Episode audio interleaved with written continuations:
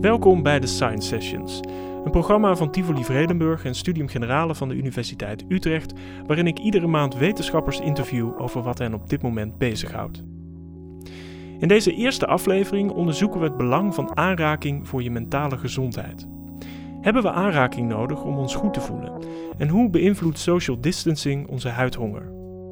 Ik spreek erover met experimenteel psycholoog Anouk Keizer van de Universiteit Utrecht. Anouk, fijn dat je er bent. We gaan het hebben over, over aanraking. Inderdaad, wat je al zegt, uh, er is heel veel aandacht voor, voor aanraking nu. We leven in tijden van social distancing.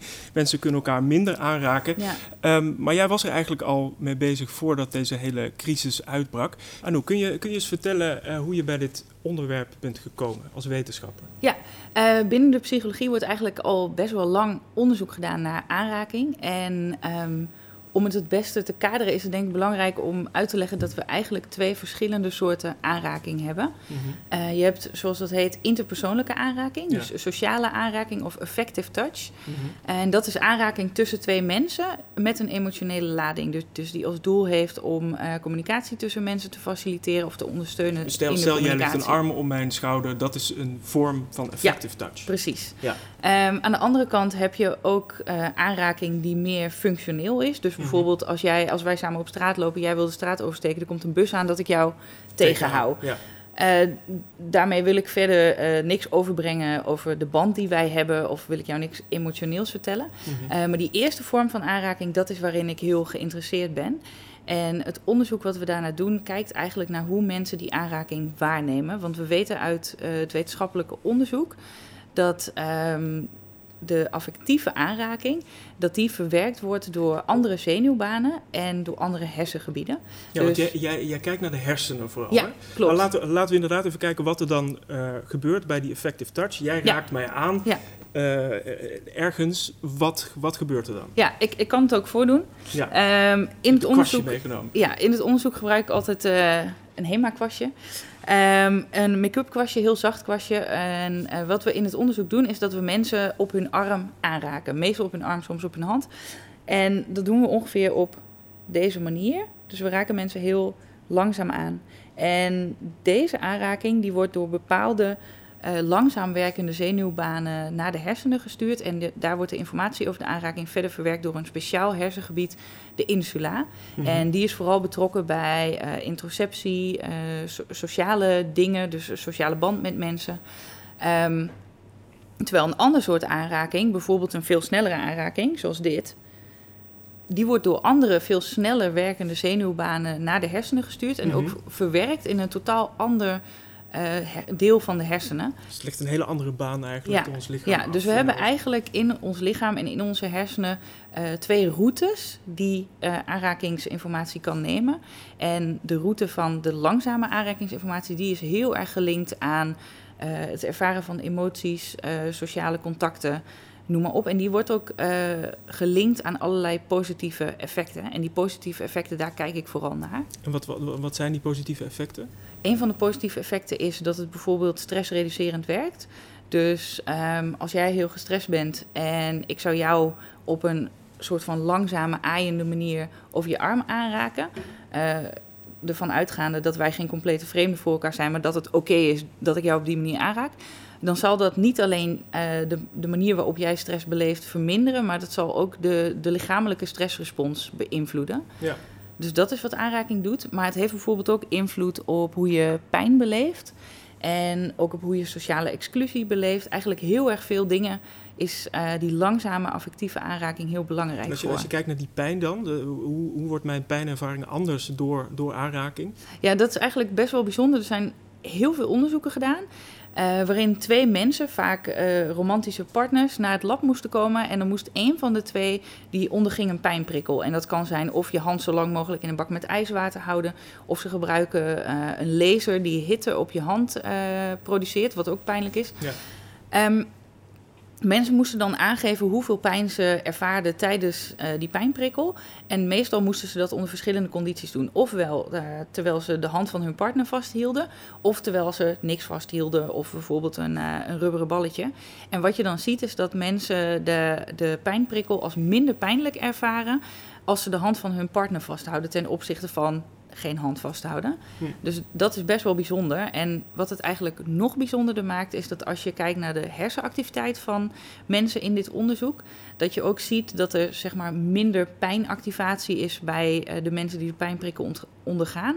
Maar dat er eigenlijk ook een soort van gedeelde activatie is tussen de persoon die de pijnprikken ondergaat en degene die eh, wiens hand wordt vastgehouden. Dus dat, degene dat, die. dat moet je uitleggen. Dus een gedeelde... Ja, we zien eigenlijk dat het, de hersengebieden eh, die actief worden bij degene die de pijnprikkel krijgt, dus die echt pijn heeft, dat die hersengebieden ook bij degene die ernaast zit, Mhm. ook actief worden. Hm. Dus eigenlijk is dat een soort van, letterlijk laat dat zien dat gedeelde smart halve smart is. Ja. Eh, en we, oké, we hebben nu dat sociale aanraking, we hebben functionele aanraking. Eh, we, we hebben ook nog zoiets als erotische aanraking, eh, eh, seks. Hoe, hoe is, is, dat het, is, is dat vergelijkbaar met die sociale aanraking of is dat weer iets heel anders? Legt dat weer een hele andere route af naar onze hersenen? Ik denk dat je kan zeggen dat het onderdeel is van de affectieve aanraking. Eh, want we zien dat mensen de snelheid waarmee aangeraakt wordt, dat ehm, in een erotische context die ongeveer hetzelfde is als voor een affectieve context eh, die niks met seks te maken heeft. Strelen, aaien. Ja. Dus het heeft wel met elkaar te maken, maar het is zeker niet hetzelfde. En ik denk dat de affectieve aanraking, waar ik heel veel onderzoek naar doe, eigenlijk veel breder is en vaak ook meer onbewuste ehm, aanrakingen erbij betrokken zijn. Dus een voorbeeld daarvan is dat er een onderzoek is geweest onder eh, kinderen en ouders. Die kinderen deden mee aan een experiment waarin ze eh, een taak deden met gezichten. En die gezichten konden dreigend kijken of niet dreigend. En ze Mhm. moesten dan beoordelen wat ze van die gezichten konden. En er werd ook gemeten hoe lang ze eh, naar die gezichten keken. En de helft van de kinderen die werd verbaal succes gewenst door hun ouders. Dus die ouders zeiden, nou veel succes, ik wacht eh, buiten op je. ja. En de andere helft van de kinderen die werd succes, succes gewenst door hun ouders. Maar die kregen ook gewoon een klein kneepje in de Ja. schouder. Eigenlijk een hele onbewuste aanraking die je best wel vaak geeft zonder dat je erbij nadenkt. En je zag dat de, de kinderen die dat schouderkneepje kregen, dat die eigenlijk heel anders presteerden op de taak. En dat die bijvoorbeeld ehm, minder geneigd waren om heel erg van hun stuk te raken door dreigende gezichten op het scherm. Hm. Dus het kan ook angst Ja, verzachten. Wegnemen. We hebben ja. nu eigenlijk vooral over eh, aangeraakt worden. Geldt het eigenlijk ook eh, voor aanraken? Ja. degene die die aanraakt, heeft, heeft die ook die, die positieve effecten? Dat is een super interessante vraag. Er is nog niet zo heel erg veel onderzoek naar gedaan, maar dat is wel iets wat mij zelf steeds meer interesseert. Eh, vooral ook omdat bijvoorbeeld bij eh, dat voorbeeld over die pijn en die Ja. gedeelde eh, activatie in de hersenen, dat laat eigenlijk zien dat bij zowel de aangeraakte als de aanraker dus zeker iets gebeurt. Ehm, je noemde al kinderen. Ja. eh, die, die worden aangeraakt in, in, in eh, onderzoek. Wat, waar, waar, waar begint het, nou ja, het ontstaan van ons aanrakingssysteem? Ja, eigenlijk Hoe is, eh, is, is de tast of aanraken, dat is een van de eerste zintuigen die zich ontwikkelt wanneer kinderen nog in de baarmoeder zitten. En er is een heel interessant onderzoek geweest met zwangere vrouwen, waarin ze met hele geavanceerde echoapparaten een echo maakten van de buik van de moeder, terwijl er dus een baby in zat. En de moeder die legde ofwel zelf haar handen op haar buik, of een vreemde legde de handen op de buik van de moeder. En je zag dus dat de kinderen in de buik, eh, wanneer de handen van de moeder op de buik lagen, meer soort van bewegingen naar buiten maakten dan wanneer eh, de handen van een vreemde op de buik lagen. Alsof ze dus met hun eigen moeder een soort van contact wilden maken. Ja. En we zien dus ook dat eh, baby's van twee maanden ehm, al onderscheid kunnen maken op basis van hersenactiviteit, want ze kunnen het zelf niet rapporteren, al onderscheid kunnen maken tussen die langzaam strelende aanraking en die veel snellere, dus tussen die affectieve en die functionele aanraking. Dus eigenlijk is dit iets wat voor onze geboorte al super belangrijk is. En is er onderzoek gedaan naar hoe dat aanraken op jonge leeftijd, hoe dat je mentale gezondheid beïnvloedt later? Ja, er is geen experimenteel onderzoek gedaan. Voor zover ik weet. Is ook, heel- nee, ja, nee, is ook heel lastig. onethisch. Ja. Ehm, er is wel onderzoek gedaan, heel bekend onderzoek met aapjes, waarin eh babyaapjes eh, van hun moeder werden weggehaald en dan de keus kregen ofwel naar een, een nepmoeder Ook niet van. helemaal ethisch. nee, maar- verschrikkelijk. Is ja. ook al heel lang geleden gebeurd, nu niet meer gelukkig. Uh, ze hadden twee moeders gemaakt, uh, moederaapjes. Eentje van ijzerdraad en eentje ook van ijzerdraad, maar bekleed met allemaal zachte lappen. Mhm. Um, en beide moeders die uh, hadden flesjes melk. En je zag dat de aapjes duidelijk een voorkeur hadden voor de moeder die bekleed was met de, met de zachte lappen. Zelfs wanneer ze de melk weghaalden. Dus die aapjes die hadden eigenlijk meer behoefte aan zachte nabijheid dan aan voeding. Mhm. Uh, bij kinderen is zo'n soort onderzoek natuurlijk nooit gedaan. Maar er is wel onderzoek gedaan naar kinderen in Roemeense weeshuizen. Ja. Um, wat wel belangrijk is om te noemen, is dat in die weeshuizen er niet alleen een gebrek was aan aanraking voor die kinderen. Maar eigenlijk waren ze op, op al, in het algemeen zintuigelijk uh, gedepriveerd. En kregen ze gewoon ja, nul aandacht. Dus En het is eigenlijk. Algemeen zintuigelijk gedepriveerd? Ja, dus, dus er werd uh, visueel weinig aangeboden aan Ja. ze. Ze lagen eigenlijk gewoon in dat bed. Heel weinig En prikkels in dat Ja, Op gezette tijden ze- kregen ze voeding, werden Ja. ze verschoond en uh, moesten ze slapen. En dat was het. Dus er werd niet met ze gespeeld. intimiteit. Exact. Uh, dus de effecten die in dat soort onderzoeken gevonden worden, zijn eigenlijk effecten van een soort van algehele verwaarlozing. Niet alleen uh, verwaarlozing wat betreft aanraking. Mhm. Uh, maar hier zijn wel soort van experimentele onderzoeken mee gedaan, waarin bijvoorbeeld in een Roemeens weeshuis de helft van de kinderen uh, bij een pleeggezin werd geplaatst. En de andere helft van de kinderen moest in het weeshuis blijven. En dat is een studie die volgens mij nu nog steeds loopt. En die kinderen die zijn nu iets van rond de 18, geloof ik. En wat je ziet is dat gedurende de ontwikkeling van die kinderen, de kinderen in de pleeggezinnen, die dus sowieso meer aangeraakt werden, maar ook in Ja. het algeheel meer prikkels ontvingen. Uh, dat die bijvoorbeeld op hele jonge leeftijd zich motorisch gezien beter ontwikkelden, betere taalontwikkeling hadden, uh, betere schoolprestaties. En je ziet ook dat nu ze wat ouder zijn, de kinderen die nu nog in de weeshuizen, uh, of de kinderen die altijd in het weeshuis hadden gezeten, dat die ook meer mentale problemen hebben dan de kinderen die in een pleeggezin terechtkwamen. En, ze, en zegt dat ook wat over uh, hoe graag je aangeraakt wil worden? Stel je bent uh, als kind niet zo vaak aan, aangeraakt of uh, nou ja, andere, an, andere intimiteit. Um, wat betekent dat dan voor je latere leven? Betekent dat ook dat, dat je niet zo van, van aanraking houdt? Of betekent dat dat je juist heel veel behoefte hebt aan, aan, aan aanraking? Ja, wat we, wel, wat we wel weten uit onderzoek is dat uh, we vragen dus vaak aan mensen als we hun aanraken op hun hand of, hun hand of hun armen, dan doen we het langzaam en snel. Dan vragen we om ze uh, of ze kunnen aangeven hoe prettig ze dat vinden. Mm-hmm. En we zien wel dat bij mensen die eigenlijk hun hele leven of een deel van hun leven een gebrek aan aanraking hebben gehad, dat zij die langzame aanraking, die gezonde mensen heel erg prettig vinden, dat zij die als minder prettig ervaren. Ja, ja, ja.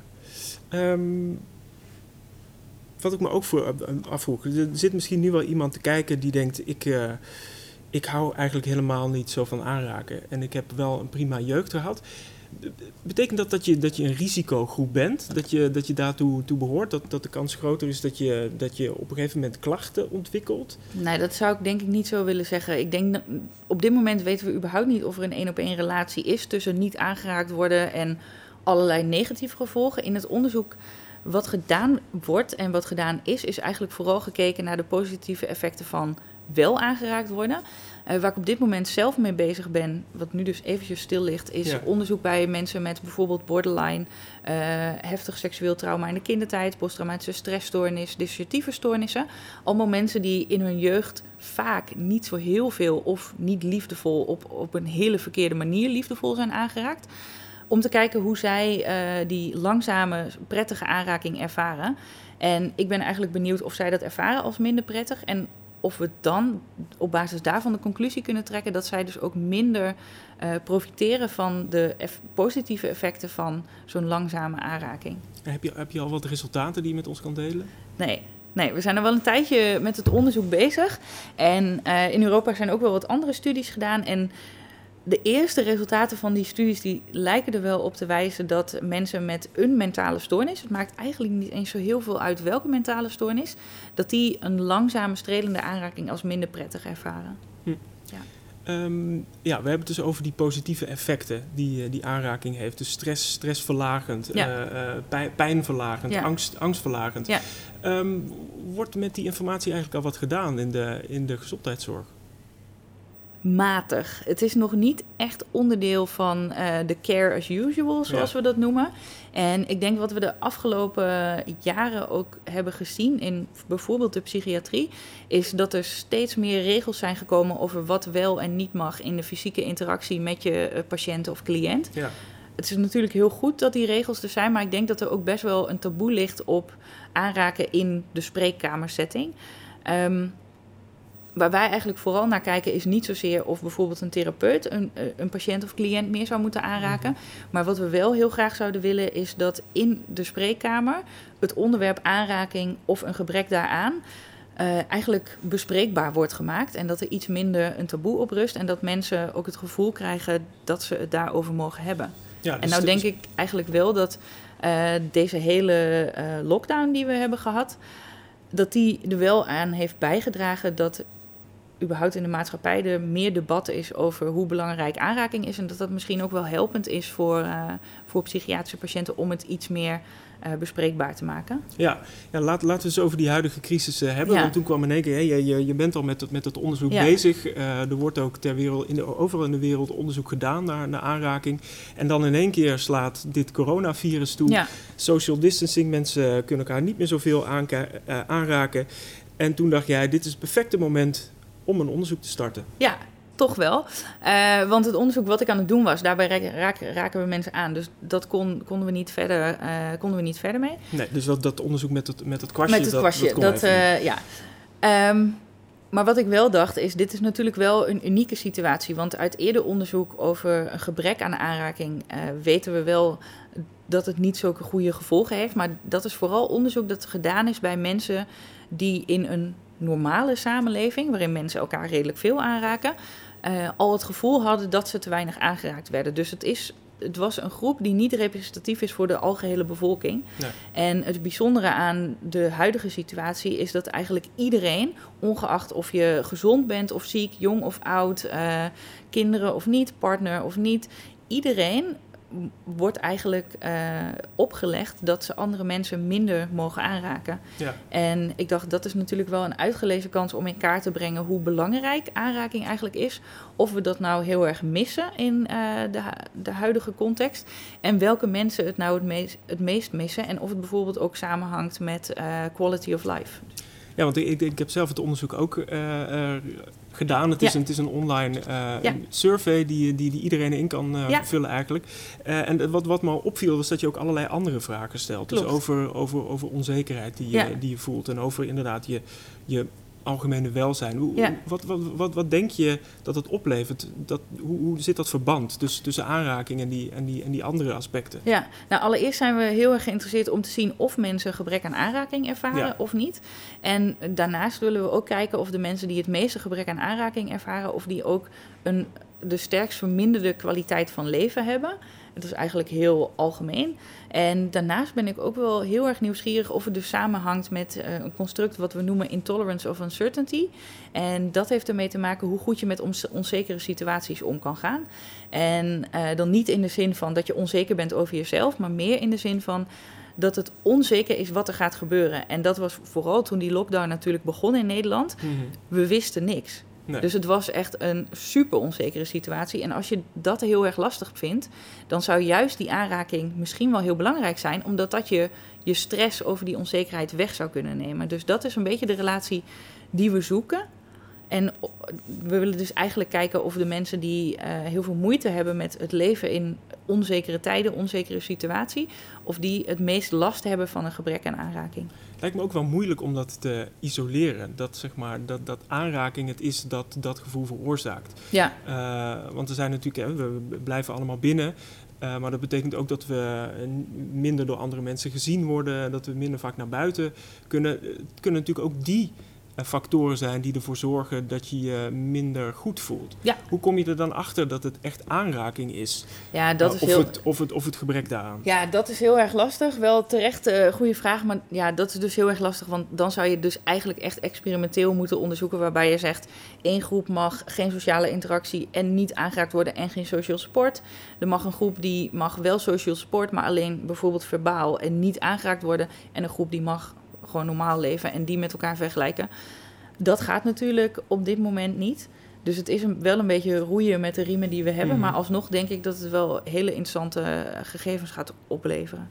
En, en denk je dat het voor bijvoorbeeld uh, alleenwonende uh, singles en voor mensen in uh, verpleegtehuizen, denk je dat die, dat die effecten sterker zullen zijn van dat gebrek aan, aan, aan aanraking? Daar ben ik dus eigenlijk heel erg benieuwd naar. Want dat zijn een beetje de usual suspects Ja. die zogenaamd het meeste lijden hebben onder eh, het niet aangeraakt worden en het thuiszitten.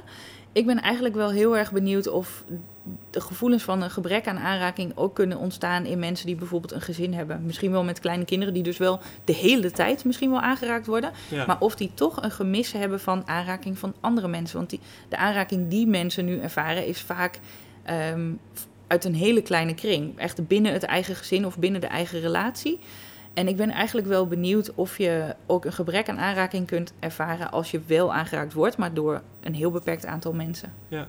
Wat ik zelf heel moeilijk vond om, om in te vullen, op, op een gegeven moment zit er ook de vraag in, uh, wat zou je graag willen Ja, qua aanraking? Dat is lastig, dat, hè? Dat vond ik zo, Ja. zo lastig. ja, Want, want enerzijds denk je, oh ja, ik, ik- ik word nu veel, veel minder aangeraakt, dus ja, ik wil. Maar als je dan even bij jezelf gaat ja, en nagaat, denk je, oh ja, wi- wi- wil ik nou veel meer aangeraakt worden of niet? Hoe, hoeveel word ik normaal aangeraakt? Eh, dan word je daar in één keer heel erg bewust van. Maar ik vond het heel moeilijk om, om aan te Ja. geven wat ik nou eigenlijk zou, zou, zou willen. Ik weet niet of je dat van meerdere mensen terugkrijgt. ja, het was een beetje een afweging welke vragenlijst we mee zouden nemen. Want je hebt ook vragenlijsten die gebrek aan aanraking meten, die eigenlijk gewoon vragen stellen. Dus heb je het gevoel dat je meer aangeraakt zou willen worden? Ja. Ehm, we hebben het onderzoek uitgezet in eh, heel veel verschillende landen. En we merken bijvoorbeeld in het vertalen van dat soort vragenlijsten, die bijvoorbeeld een vraag hebben als. eh, zou je vaker omhelst willen worden door iemand anders? Dat bijvoorbeeld in het Italiaans er eh, maar één woord is voor omhelzen en vasthouden. In, in het Nederlands hebben we dus al twee woorden. Dus twee aparte vragen. En in knuffelen. Ja. in het Italiaans is dat dan wel weer één woord. En dat is dan nog maar één voorbeeld. En zo is het eigenlijk eh, lastig om zo'n vragenlijst heel valide uit te zetten in verschillende landen. Om echt goed in je vraag te vangen wat je wilt weten. En de vragenlijst die wij gebruiken, die gaat dus vooral over vul in hoe vaak je aangeraakt wordt. En voor veel mensen is dat nu nul. En vul in hoe vaak je aangeraakt zou willen worden. Die twee getallen kun je van elkaar aftrekken. Het getal dat overblijft, dat is eigenlijk je, eh, de score van je gebrek aan aanraking. Ja. Dus ik snap dat die lastig was om in te vullen. ja, ja. Maar ja, was een pragmatische keuze. Precies. Ja, Ehm, in, in 2014 deden onderzoekers van eh, de Carnegie Mellon University in Pittsburgh in de VS onderzoek naar de relatie tussen aanraking en weerstand. Met als titel Does hugging provide stress buffering social support? Ehm, deelnemers die moesten een aantal weken een, eh, een aanrakings- of knuffeldagboek eh, bijhouden. En vervolgens werden ze blootgesteld aan een virus. Ehm, en het bleek uit het onderzoek dat mensen die meer hadden geknuffeld, eh, die ontwikkelden mildere symptomen. ja klopt. Wat, wat, wat, wat vind je Ja. van dat onderzoek? Hoe, Ja, ik heb kijk hem- je daarnaar? ik Dat heb is hem- natuurlijk in deze tijd is dat heel, heel interessant. Ja, ik kwam hem ook al op eh, een aantal eh, semi-populair wetenschappelijke nieuwssites eh, kwam ik hem ook Ja. al tegen. Ik heb hem nog eventjes nagelezen en Ja. er zijn eigenlijk twee interessante dingen aan het onderzoek. Het enige is dat de resultaten die jij net uitlegde, dus dat de mensen die ehm, eh, dat mensen die meer knuffelen mildere symptomen hebben. Die analyse is alleen gedaan op de mensen die daadwerkelijk ziek zijn geworden van het virus. Maar er ja. was natuurlijk ook nog een groep mensen. Niet 100% van de mensen werd ziek van het virus. Dus er was ook nog een groep mensen die niet ziek is geworden van het virus. Die zijn in dat stukje van de resultaten buiten beschouwing gelaten. Dus dat maakt het alweer Daar hadden ze lastiger eigenlijk ook naar moeten kijken. Lastiger interpreteren. Ehm, en wat de onderzoekers zelf heel terecht ook in hun onderzoek zeggen, is dat het kan ook zijn dat mensen die meer knuffelen, meer sociale interacties hebben, fysieke interacties, dat die meer worden blootgesteld aan eh, andere virussen, bacteriën van anderen, noem maar op. En dat die dus een wat betere weerstand hebben. Ja. En dat het daarmee samenhangt. Dus ik zou niet willen zeggen dat de mensen Laten we nu die... met z'n allen gaan Nee. knuffelen. Nee, dat want, eh, sowieso zo niet houden nu. we het uh, Maar ook, ja, ik denk ook niet dat de mensen die voorheen heel veel geknuffeld hebben, dat die eh, minder kans hebben dat ze, dat ze het, het coronavirus krijgen. Ehm, ik denk dat, is, dat deze resultaten, dat er zeker wel wat in zit. Er zijn ook andere onderzoeken gedaan die laten zien dat op eh, eh, virusinfecties eh, lichamelijke aanraking een positief effect heeft. Maar we weten dus niet zeker of dat komt omdat het knuffelen aan zich je bijvoorbeeld je weerstand verbetert. Of dat het komt omdat je dus meer in aanraking bent geweest met allerlei virussen, bacteriën, waardoor je weerstand beter wordt. Ehm, de relatietherapeut uh, Esther Perel, super populair. Uh, die zei vorige week in een Zoom-webinar met 6000 deelnemers overigens... dat als er niemand bij is, dan kun je ook gewoon jezelf knuffelen. en, en ons zenuwstelsel is zo dat dat dan ook echt als een waardevolle aanraking voelt. Is, is dat zo? Kan je doen.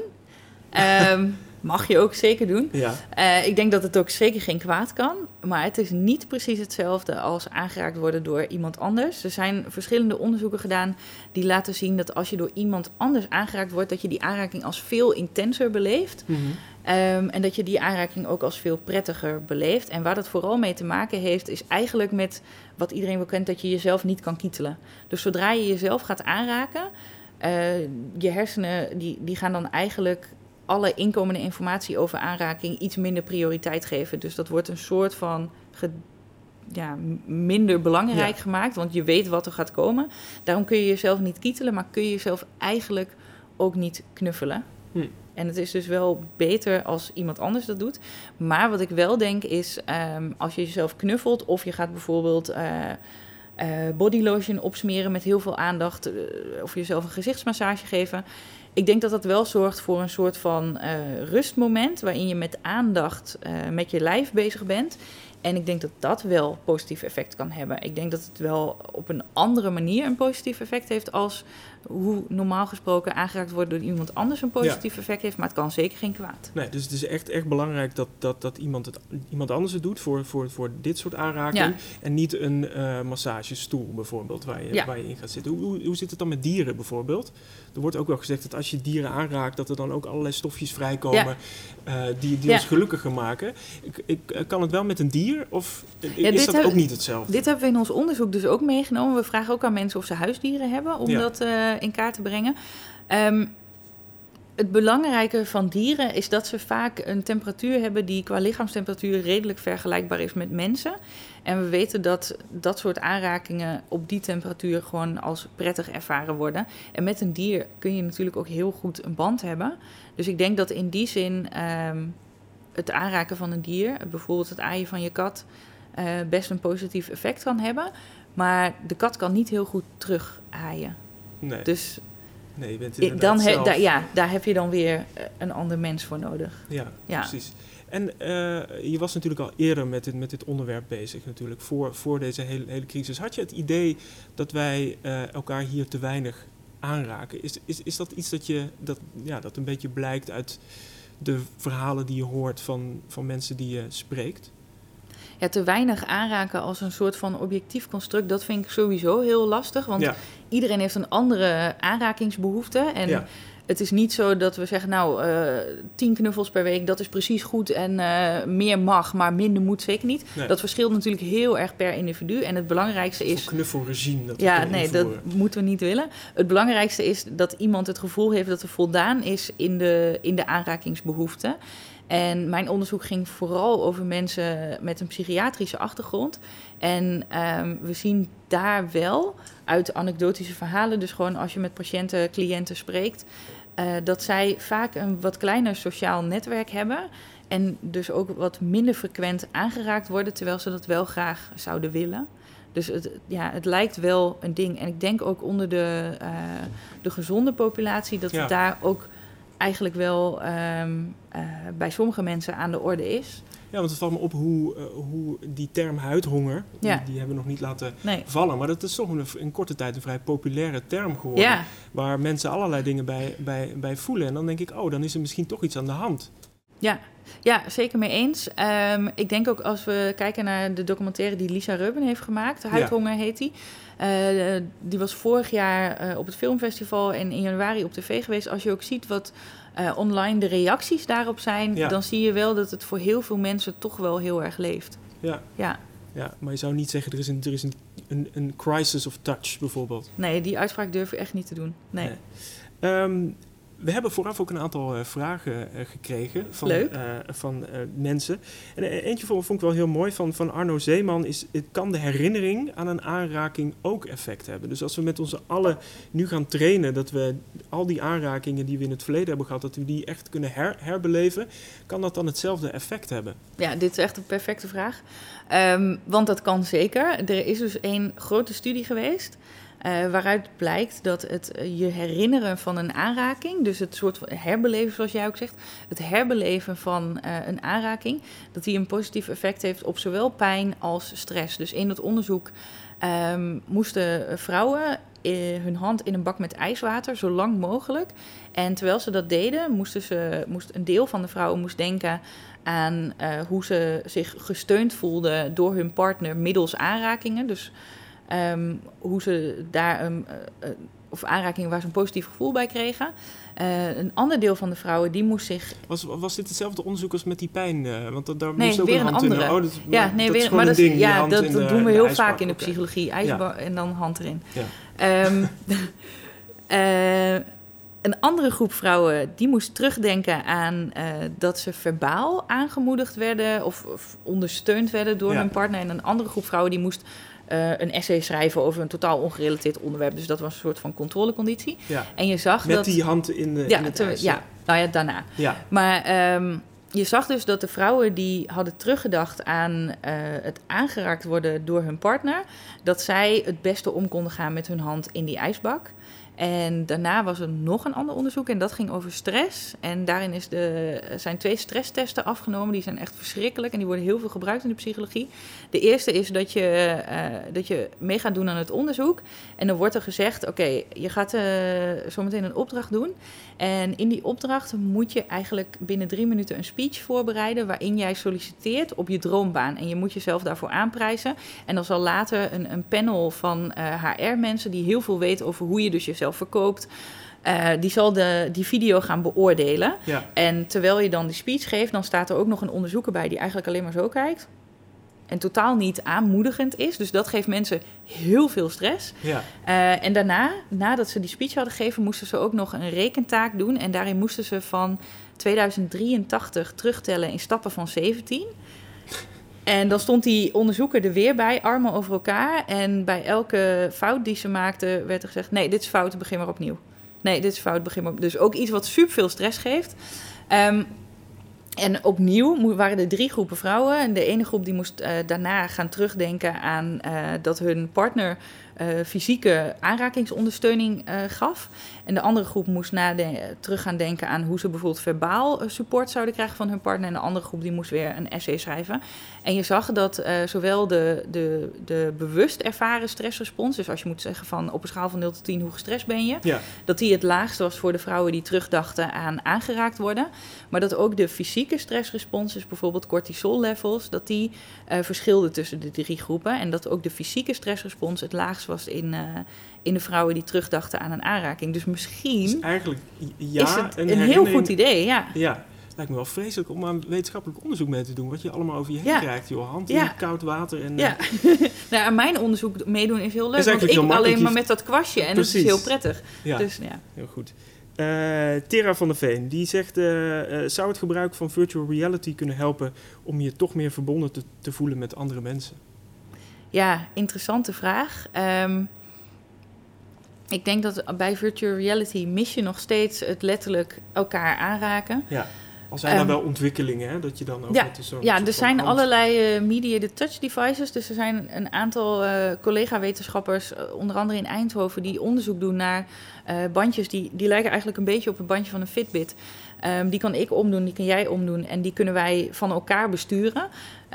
Dus als ik dan weet van, oh, Erwin voelt zich nu echt niet, niet relaxed, dan kan ik even via mijn telefoon ja. en dan gaat het bij jou. Bzz, bzz.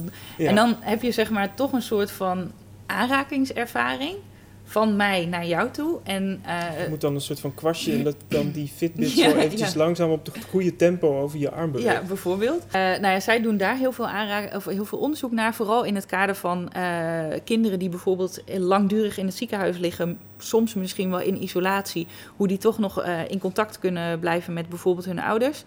Ehm, dat laat zien dat het wel iets toevoegt, maar dat het zeker niet zo goed is als, uh, als de real deal. Dus het elkaar echt aanraken. Ja. ja.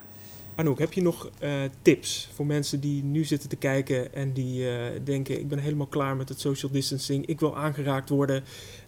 in ieder geval herinneren, dus een, een, aanraking uit het verleden herinneren. Heb je nog andere tips die ze, die ze thuis kunnen doen? Ja, lastig. Mijn, uh, mijn hoofdtip zou eigenlijk zijn om dus terug te denken aan, uh, aan positieve ervaringen met aanraking. Uh, ik sprak laatst ook iemand die zei van... ik was me op mijn foto's op mijn telefoon aan het kijken... en ik zag allemaal festivalfoto's van vorig jaar... en op elke foto raakte ik wel iemand aan... en toen werd ik er eigenlijk ook wel een beetje verdrietig van... dat ik dat nu niet meer heb. Oh ja. Dus als je eraan gaat terugdenken... probeer het dan echt her te beleven... en niet er alleen eraan te denken van... oh, het was zo leuk en ik mis het nu zo. Maar probeer dus eigenlijk voor gewoon dan terug te gaan naar die situatie... en echt weer in dat moment te zijn... en uh, na te denken, te voelen wat die aanraking je toen bracht. Je luisterde naar een aflevering van de Science Sessions met experimenteel psycholoog Anouk Keizer. Benieuwd naar meer afleveringen? Ga naar sg.uu.nl/podcast of abonneer je op je favoriete platform.